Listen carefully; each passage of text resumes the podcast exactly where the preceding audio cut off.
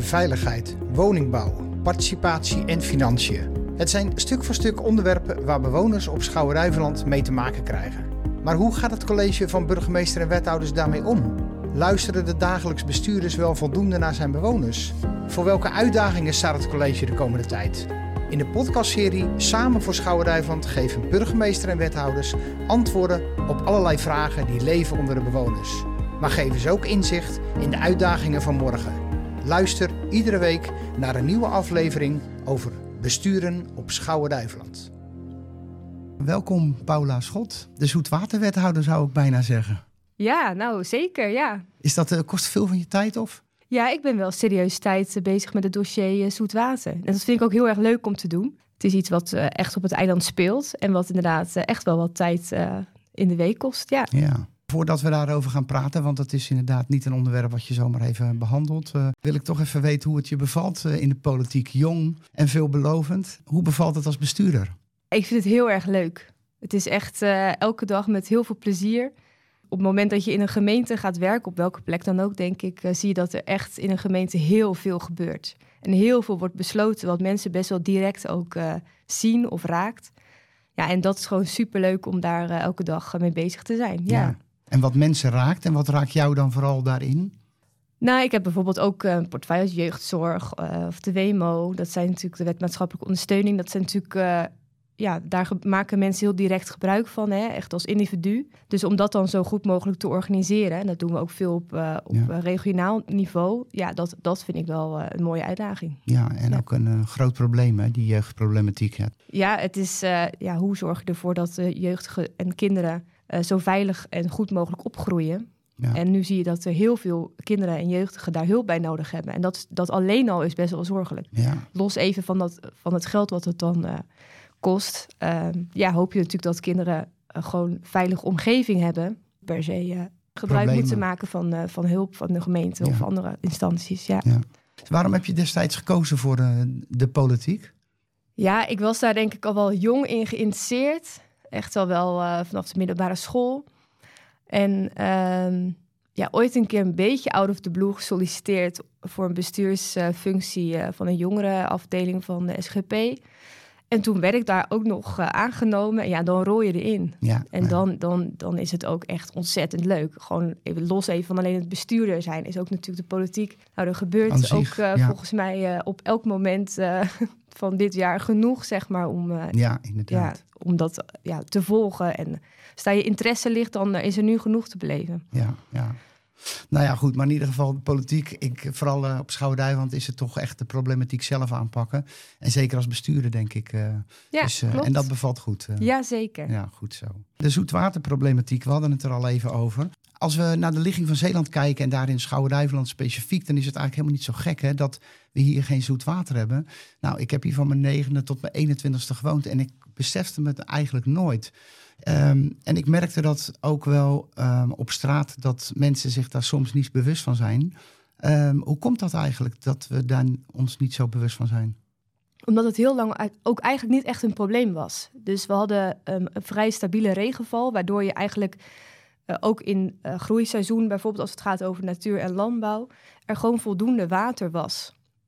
Maar je ziet dat dat veranderd is de afgelopen jaren. En dat je nu dus langere perioden van droogte hebt. En ook langere perioden van uh, regenval. En dat strookt niet helemaal met hoe wij, het, uh, of hoe wij, maar hoe het groeiseizoen van, uh, van de natuur Ja. is. En dat geldt zowel dus voor ja, gewoon natuur, natuur, maar ook voor landbouw waar ge- gewassen moeten groeien. Ja.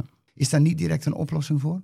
Nou ja, ik, ik, ik wou zeggen gelijk nee, maar ik denk wel degelijk dat er oplossingen voor zijn. Maar die zijn er nog niet direct voorhanden. Dus we, we hebben eigenlijk de afgelopen jaren uh, heel veel onderzoek ook gedaan van ja, hoe kun je dan zo goed mogelijk water opvangen? Hoe kun je het zo uh, efficiënt mogelijk gebruiken? Maar echt het grootschalig opvangen van regenwater is gewoon echt heel ingewikkeld. Dat lijkt wel makkelijk. Hè? Je denkt, nou, je zet een bassin neer en dan heb je water. Dat is ergens ook zo. Alleen heb je wel heel veel bassins nodig. Wil je ook voldoende water hebben op het moment dat je het nodig hebt. En dan is, dan, ja, dan is de ruimte die je daar dan voor nodig hebt weegt eigenlijk niet op tegen de ruimte die dan overblijft voor landbouw. Dus je ziet dat je echt wel met andere oplossingen moet gaan werken. Ook nog los van het feit dat overal bassins er ook niet heel fraai uitziet over het algemeen. Maar je moet dus met andere oplossingen gaan werken. Dus we doen bijvoorbeeld onderzoek naar het uh, opslaan van water ondergronds. Daar zijn best wel wat mogelijkheden voor. Sowieso op de, in de gebieden, uh, de oude kreekruggen, waar ook nog zoetwater onder de grond al zit. Dus dan probeer je dat te vergroten. Je ziet bij de oude gouwen zie je dat daar nog zoetwater onder de grond zit in zoetwaterbellen. En dat proberen we eigenlijk die zoetwaterbel te vergroten door daar meer water in te brengen. En dan kun je op het moment dat het droog is, kun je het dan gebruiken. Mhm. Om het dan weer daaruit, uh, door, door het daar weer uit te halen. Wat moet ik me voorstellen bij die bellen? Hoe groot zijn die dan? Dat, dat kunnen echt wel serieus uh, grote zoetwaterbellen zijn. Um, waar ook echt wel een fors, uh, ja, fors, fors aantal liters water ingaat, zeg maar het vergroten van die bellen. Ja, kijk, die, die zoetwaterbillen zijn er. Hè? Dus die worden ook al gebruikt door uh, akkerbouwers, voornamelijk. Maar er wordt op dit moment is het gewoon een, alleen een natuurlijke regenval die daarin terechtkomt. En wat we nu proberen is ook van andere percelen, bijvoorbeeld water, in die zoetwaterbel in te brengen, zodat die wordt vergroot. Dus meer dan normaal, meer dan natuurlijk eigenlijk zou gebeuren omdat dan in de droge periodes we ook meer water er weer uit kunnen halen. Wegen de kosten die je moet maken op tegen de baten eigenlijk? Nou ja, dat, dat zijn keuzes die je met elkaar moet maken. Hè. Kijk, het ministerie van uh, eh, LNV zegt... Uh, Zeeland is een akkerbouwgebied. En dat betekent dat daar voedsel geproduceerd moet worden belangrijk om ook een bepaalde zelfvoorzienendheid te hebben in het land. Hè. Dus we hebben gezien op andere uh, dossiers dat bijvoorbeeld energie en gas, dat je daar best wel afhankelijk van kan worden. Het is dus wel een keuze van ja, hoeveel voedsel wil je in eigen land produceren. En op het moment dat je met elkaar afspreekt dat je dat graag wil in eigen land, ja. ja dan moet je het ook faciliteren. Ja. Dus het is, het is echt wel een, een bredere vraag dan van nou wat kost het en wat levert het op. Je moet gewoon kijken welke keuzes maak je in Nederland met elkaar. En op het moment dat je zegt, in dit gebied willen we graag voedsel produceren, dan moet je het ook faciliteren als overheid. Ja. Uh, en dat betekent in ons geval dat er een, oplossing moet komen voor de zoetwaterproblematiek. Ja. Maar kun je niet uh, bijvoorbeeld gewassen maken die ja, beter bestand zijn tegen die zilte grond? Ja, dat zie je ook met aardappels al, dat daar ook al mee geëxperimenteerd wordt. Um, alleen dat kost heel veel tijd. En die tijd hebben we eigenlijk op ons eiland uh, uh, niet om dat te doen. En je moet ook wel kijken, we, het wordt heel vaak gesproken over de zilte tilten. Van nou, dat kan daar dan toch. Um, ja, maar één, die hebben ook zoet water nodig bij de ontkieming en de groei. Dus het is niet zo dat zilte tilten geen zoet water nodig hebben. En twee, ja, dan moeten mensen het ook wel gaan eten. Ja. En gaan kopen. En dat is ook nog echt wel een probleem, okay. want er is helemaal geen markt voor. Ja. Dus wij hebben uh, ook daar al verschillende experimenten en onderzoeken naar gedaan. En um, er kan ook best wel het een en ander. Maar ja, dan moet je wel markt hebben. Ja. Want anders gaat er geen enkele ondernemer uh, daarin investeren. Ja, dus dat is niet echt een oplossing dus, nee. zou je kunnen zeggen. Nee, en ja. zeker niet op grotere schaal. Ja. Dus waar, waar moet het dan vooral naartoe? Waar denk je dan echt waar de oplossingen zitten als je er nou, drie zou moeten noemen? Wat, wat moeten we gaan doen? We zijn natuurlijk gelukkig al met een heel aantal dingen bezig. Maar een van de belangrijkste dingen, denk ik, is dat we ons watersysteem moeten aanpassen. We zijn er natuurlijk altijd op gericht geweest uh, en nog steeds om water heel goed af te kunnen voeren. En dat blijft ook nog steeds echt heel erg belangrijk. Als je ook dit jaar kijkt, uh, oktober, november 2023 zijn de natste maanden van ongeveer nou, in de afgelopen 100 jaar. Dus we hebben nog nooit zoveel regen gehad in de afgelopen 100 jaar als deze nou, twee maanden. Perfect. Dat zou je denken, alleen op dit moment heb je er eigenlijk niet zoveel aan. Uh, sterker nog, er valt veel te veel. Dus die, die afvoer van het water, dat moet volop op dit moment ja. uh, uh, gewoon, gewoon gebeuren. dus daar kun je niet op afdoen. En tegelijkertijd moet je het wel beter opvangen. En door dus aanpassingen in het watersysteem kan dat. en dat betekent ook dat je dan een, een scheiding krijgt tussen zoet en zout. En op het moment dat je je watersysteem verandert, dan krijg je ook een, kun je ook een scheiding aanbrengen tussen zoet en zout. En nu zie je dat wij heel veel brakke uh, sloten hebben, terwijl daar een deel van echt wel zoet zou kunnen zijn. Uh, maar omdat ze doorkruist worden door zo'n brakke of zoutsloot, ja, is eigenlijk bijna het hele watersysteem brak. En, en ook daarin kun je in het watersysteem natuurlijk veranderingen aanbrengen, zodat ook op het moment dat er dus regen valt, als het dan in die zoete sloot valt, dat, dat het daar ook weer opgevangen kan worden. Nou ja, dat, dat is denk ik uh, het aanpassen van het watersysteem is echt wel een hele belangrijke. We moeten het beter opvangen en opslaan. Dus dat kan dus dan -hmm. eventueel in de zoete sloten. Dat is maar eigenlijk maar een klein deel, want zoveel sloten hebben we nou ook weer niet. ondergrond willen natuurlijk goed kunnen opslaan. Ja, en wij zeggen dan ook op Schouwduiveland... het aanpassen van het watersysteem... en een, echt een grootschalige oplossing voor beter en meer opvangen van zoet water... dat kost gewoon echt nog heel veel tijd. We zijn nog niet zo ver. Dus wij zouden eigenlijk graag in die tussentijd... wel van zoet water voorzien willen worden in die droge periodes... En daarom pleiten wij ook voor een zoetwateraanvoer van elders. En bij voorkeur het Haringvliet, omdat dat uh, ook echt nog heel zoet is, dat ja, water daar. Precies, ja. En, en gaat dat gebeuren? Zit dat eraan te komen? Of... Nou, daar doen we in elk geval heel erg ons best voor. Uh, en ik denk dat het ons ook echt wel lukt om deze problematiek, dus zowel de zoetwatertekort wat we hier hebben, maar ook de verzilting die daar ook wel mee samenhangt, onder de aandacht te brengen. Bij de provincie, bij het waterschap, maar ook op rijksniveau, bij de, bij de ministeries. Dus dat lukt best goed, ook op dit moment. Maar dat heeft nog niet geresulteerd in een concrete oplossing die ook hè, wij een handtekening onderzetten en zegt zo gaan we het doen. Dus Precies, dus ook, en over zoveel jaar hebben we het. Uh... Ja, dus ook dat kost, uh, kost tijd. Maar je ziet wel dat ons eiland inmiddels ook wel bekend staat omdat we uh, op innovatieve wijze bezig zijn met deze problematiek, met de zoetwateropgave die we hebben. En dat ook, ja, dus ook van verschillende, of dat nou rijkspartijen zijn of andere kennisinstituten bijvoorbeeld die hiermee bezig zijn, die kijken naar Schouwduiveland voor dit onderwerp. Je zegt inderdaad leidingen die, uh, of een leiding die moet komen om zoetwater aan te leveren. Hoe moet die leiding gaan lopen? Nou ja, die kun je vanuit het Haringvliet naar ons eiland uh, trekken. Dat zeg ik heel makkelijk, maar dat betekent natuurlijk nog wel wat. maar op zich kunnen we dat, hè, met drinkwaterleidingen doen we dat ook. Op zich is het niet, niet heel nieuw. Nee. En die laat je dan ja, ergens bij Jansland, Bruinisse zeg maar, aan land komen. En dan moet je een, natuurlijk een verdeelsystematiek uh, hebben. Maar goed, daar zijn plannen voor en dat, daar ligt, liggen ook berekeningen onder. En je moet eerst zorgen dat er een ja komt op een plan en vervolgens kun je daar dan uh, de uitwerking precies in gaan vormgeven. En ja, wij, het gaat dan over grote bedragen en daar zullen we het Rijk voor nodig hebben. Ja, want op, om hoeveel geld gaat het dan? Um, nou, we hebben een, een grove schatting en dat zit tussen de 60 en 100 miljoen voor het, aan, het dus extern aanvoeren van water. Ja. Um, nou ja, dan is het natuurlijk belangrijk dat je daar in de regio met elkaar achter staat. Hè? Dus dat, wat ik al zei, provincie, waterschap en natuurlijk de gemeente. En dat je vervolgens uh, een groot deel van de gelden bij het, het, Rijk vraagt. En misschien kunnen we ook nog wel naar Brussel kijken. Want ja. ook daarin uh, zie je dat de plattelandsgebieden ook echt wel aandacht krijgen. En dat ook voedselproductie dichtbij in Europa echt heel belangrijk worden. is. Ja. En ook steeds belangrijker wordt. Omdat ja. we ook zien dat natuurlijk ook in Europa op plekken het heel droog is. En het dus heel moeilijk is om bepaalde gewassen te kweken ja. en te laten groeien. En dat betekent dat op plekken waar het wel kan, in elk geval, ja, daar zul je dat moeten faciliteren. Ja. en de oorlog in de Oekraïne heeft wel geleerd dat we het ook bij onszelf moeten halen. Ja, ja. Ook die energieafhankelijkheid is natuurlijk ja, een groot probleem geworden. Ja, maar dat hebben we daar natuurlijk ook met graan gezien. Ja. Dat we daar, dat er dan op het moment dat er dus een conflict is in een land, dat je dus qua graan ineens een uitdaging hebt. Ja. En gelukkig zien we ook dat dat nou ja, een gewas is ook wat op veel meer plekken kan groeien. Maar ja, die afhankelijkheid, die, daar moet je wel. ik denk dat we daar ons steeds bewuster van worden.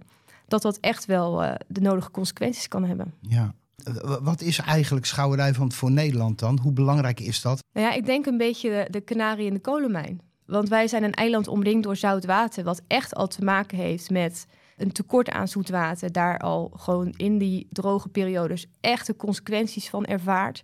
Maar dat gaat in de rest van Nederland ook vanzelf gebeuren. We krijgen gewoon in Nederland een enorm zoetwatertekort. Dat wijzen allerlei modellen uit. Niet over het hele jaar, uh, mm-hmm. maar wel in die droge periodes. En die periodes die worden droger, heter en langer. En dat betekent gewoon dat we steeds vaker uh, die echt, echt met watertekorten te maken krijgen. En nu heb je dat nog voor natuur en landbouw. Maar ook de drinkwatervoorziening komt op een gegeven moment onder druk te staan in die periodes. Dus de problematiek die wij op Schouwduiveland nu ervaren voor landbouw en natuur, het tekort aan zoet water, ja, dat gaat zich steeds verder uitbreiden over Nederland heen. In Zeeland zie je dat sowieso al breder. Uh, Rabo Research van de Rabobank heeft dat ook uh, in een rapport ook opgeschreven. Ook zij zien dat, hebben dat ook uit het onderzoek gehaald. Dus de oplossingen die hier van toepassing zijn, zijn natuurlijk ook belangrijk voor andere delen van Nederland. Wordt, wordt uh, Schouwrijvland dan op dat gebied ook wel een beetje als een soort proeftuin gezien landelijk? Ja, steeds meer. En dat zei ik ook al eerder, dat het ons steeds beter lukt om die problematiek onder de aandacht te brengen. nou ja, we hebben ook de afgelopen jaren heel veel onderzoek en experimenten kunnen doen. en dat hebben we natuurlijk echt niet allemaal zelf betaald. Dus we hebben ook heel veel subsidies daarvoor ontvangen om dat te kunnen doen. Ja, en nu is het eigenlijk de volgende stap. Ja, wat is dan die structurele oplossing? En ga ons daar dan ook bij helpen. En niet alleen maar het, blijven onderzoeken en experimenteren. maar investeer ook in die structurele oplossing. Waar ligt het dan op? Waar, wat is die drempel? Wat is dat, dat, dat punt waar, waar het dan niet doorkomt? Ja, ook dat zijn denk ik meerdere dingen. Maar eh, je ziet één dat op het moment dat je iets, in een experiment mag heel veel. Dus dan negeer je een beetje bepaalde wet en regelgeving. Eh, het, is, het wordt veel, veelal gesubsidieerd. Hè. Er zitten grote uh, subsidies op. Maar op het moment dat je gaat opschalen, dan krijg je één de vraag: wie gaat het betalen? Uh, twee, past het wel binnen de wet en regelgeving die we op dit moment hebben? En zeker als het gaat bijvoorbeeld het onttrekken van grondwater, wat je doet als je water uit de grond haalt, bijvoorbeeld zo'n zoetwaterbel. Daar zit een hele strenge wet en regelgeving op. En dat is ook belangrijk. En terecht, ja, ja. Als je hem leegtrekt, is die weg. Dus het is heel, van heel groot belang dat je nooit meer water eruit haalt dan erin zit. Uh, maar ja, op het moment dat je er zelf water inbrengt, uh, heb je een nieuwe situatie. En daar, ja, de wet en regelgeving, ja, dat is langzaam. Dat, en dat kun je ook niet zomaar op één, één perceeltje aanpassen. Dus ja, daar, daar, dat soort dingen ga je mee worstelen op het moment dat je dus uit een experimenteerfase komt. En dan zie je, ja, wordt het dan prioriteit aangegeven? Hoe groot is het probleem dan? En dan, ja, nu is dat nog op een klein, ja, redelijk kleine schaal. Ja, want nu zitten we nog in die proeffase dus. Ja, we zitten nog steeds in die experimenteerfase. En het is moeilijk om daaruit te komen. Om, nou ja, bijvoorbeeld de twee redenen. Wie gaat het betalen? Hè? Waar ga je dan de investeringen op doen? Bij wie ga je die beleggen? Maar ook wet en regelgeving zit dan in de weg. En Europa, je zei het net al, dat, dat is ook een belangrijke partij hierin. Nou, ik, ik denk het absoluut.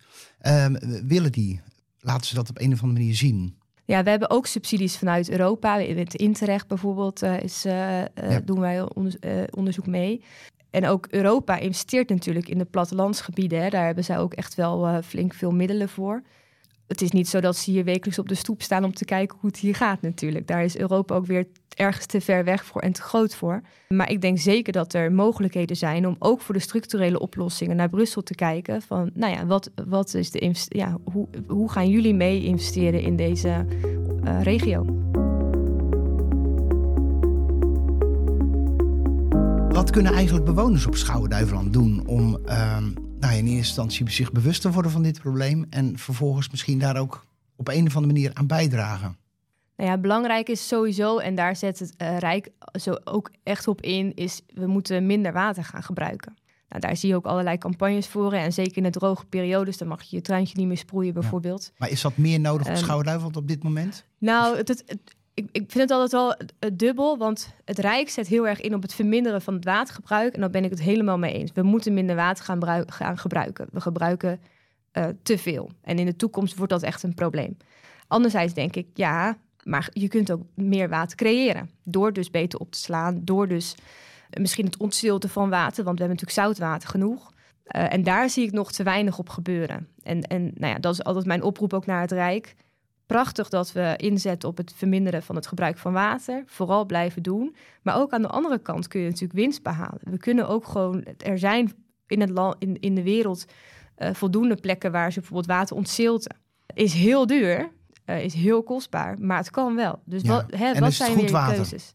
Lekker ook. Ja, zeker, dat, dat kan. Je ja. kunt alleen, wat ik zeg, dat, dat is heel duur. Um, dus wat inwoners kunnen doen voor dat zoetwatervraagstuk vind ik altijd lastig. Ik denk dat het vooral belangrijk is, uh, weet wat er in je omgeving speelt.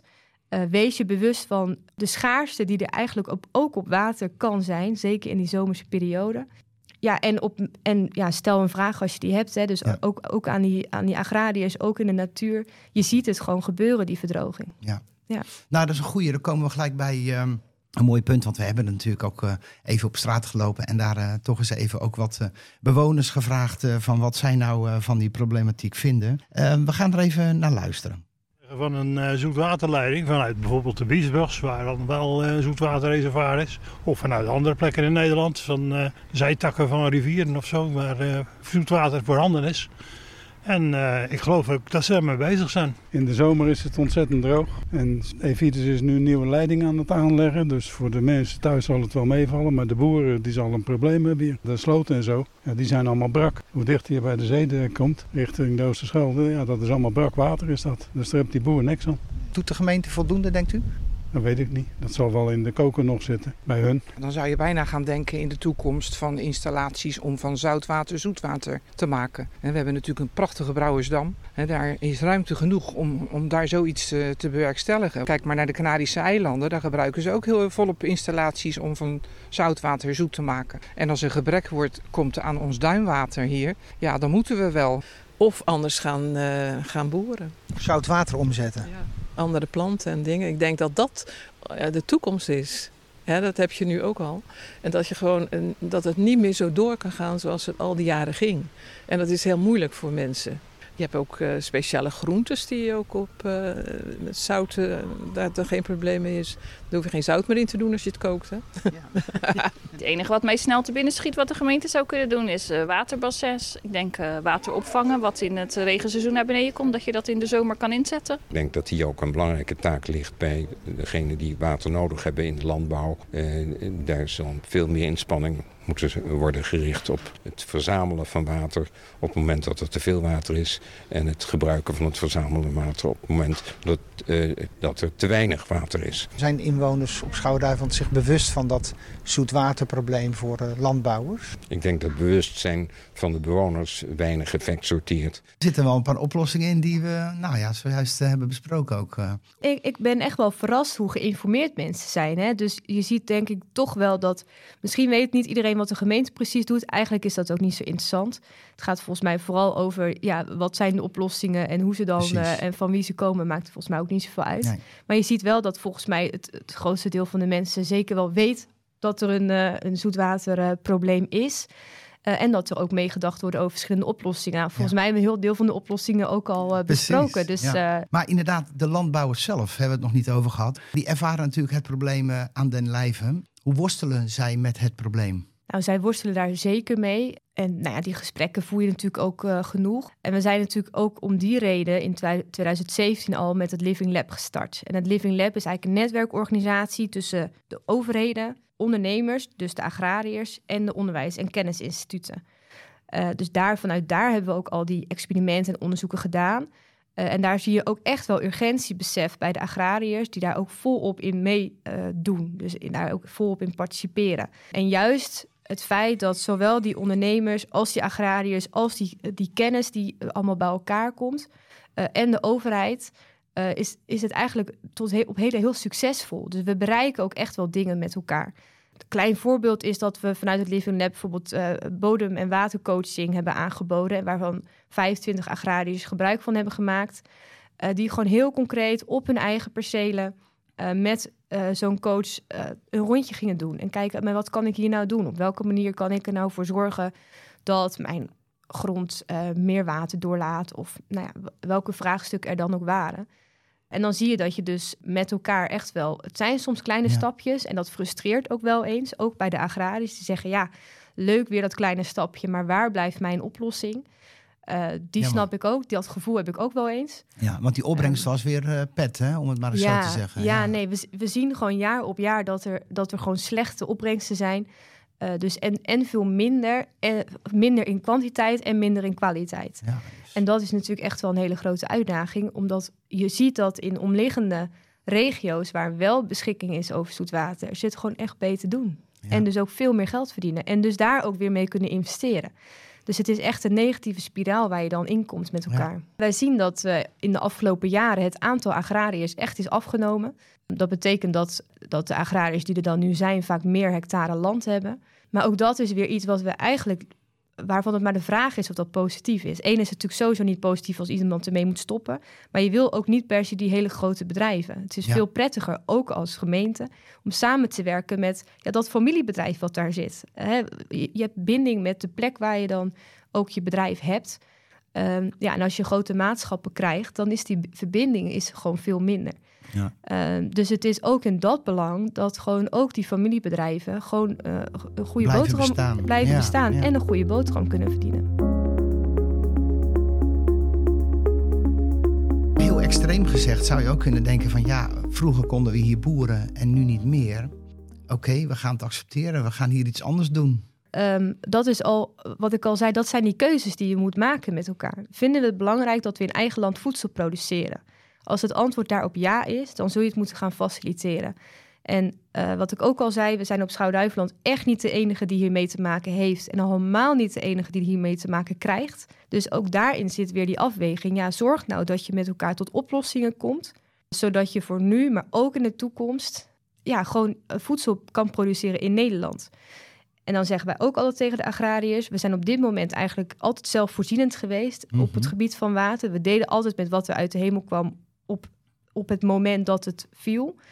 Nou, nu zie je dat dat een hele grote uitdaging is. We moeten ons wel klaarstomen voor een toekomst waar we weer zelfvoorzienend moeten zijn.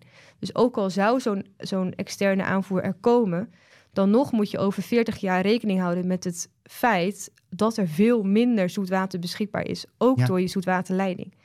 En maar om die transitie te maken, zoals dat voor alle transities uh, geldt, dat kost tijd. Ja. Je hebt niet morgen ineens um, een totaal nieuw business, uh, totaal nieuw, nieuw bedrijfsplan of een totaal nieuwe manier van werken. Zo, Als je het gaat over bodemverbetering, nou dan, dan heb je nog verschillende onderzoeken. Dus um, het is maar de vraag hoeveel dat gaat helpen. Maar we weten wel dat een goede bodembewerking helpt bij het meer vasthouden van water in die bodem op het moment dat je daar dus verbeteringen in kan aanbrengen, omdat het bij jou nog niet goed genoeg is, dan kost dat jaren. Je hebt niet het volgende jaar ineens goede grond.